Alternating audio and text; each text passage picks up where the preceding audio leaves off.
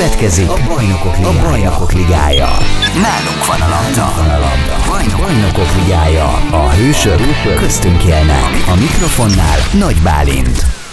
Mit jelent neked az advent időszaka és, és a karácsony? Hogyan fogjátok ünnepelni? Hogy, hogyan töltitek ezt az időszakot? Az advent nekem mindig, ez a kifejezés is, meg egyáltalán, amikor erre gondolok, az nekem mindig valamiféle olyan nagyon-nagyon jó és megnyugtató érzéssel tölt el. Egy ilyen nagy levegővétel, azt érzem mindig az adventnél, mert ugye az advent ugye azt jelenti, hogy várakozás.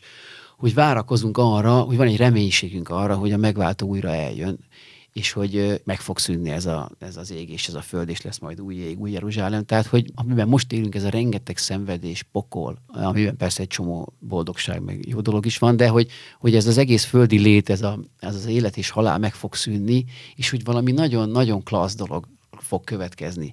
Tehát amikor az advent, adventre gondolok, vagy gondolunk, akkor valami, valami mindig valami nagyon, nagyon nagy nyugalom száll meg. Ezért mondtam a lélegzetvédelem, amikor az ember nagyon sohajt, és így megkönnyebbül. És az advent nekem mindig egy ilyen megkönnyebbülés, és valahogy így vagyunk otthon is, hogy az adventi hétvégeken mi is készítünk a gyerekekkel közösen adventi koszorút, akkor és gyújtjuk meg a minden sorban a vasárnaponként a, a, a gyertyákat, és akkor imádkozunk együtt az asztalnál.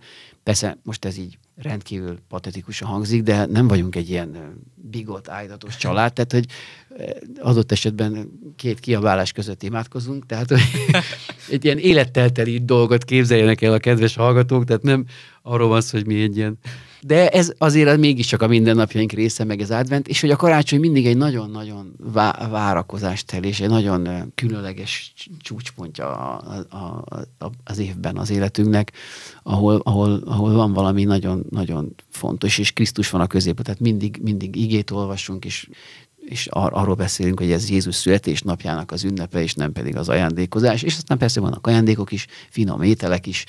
Tehát valahogy sikerült azt hiszem, hogy ezt úgy teljességében megélnünk a karácsonyt az, ami azért belekerülünk mi is ebbe az ajándékozási őrületbe, nagyon nehéz ebből kiszakadni, de, de igyekszünk ezt, ezt, ezt azért azzal a békével, vagy, vagy hittel, vagy nem tudom megtölteni, ami egyébként ennek az ünnepnek a lényege.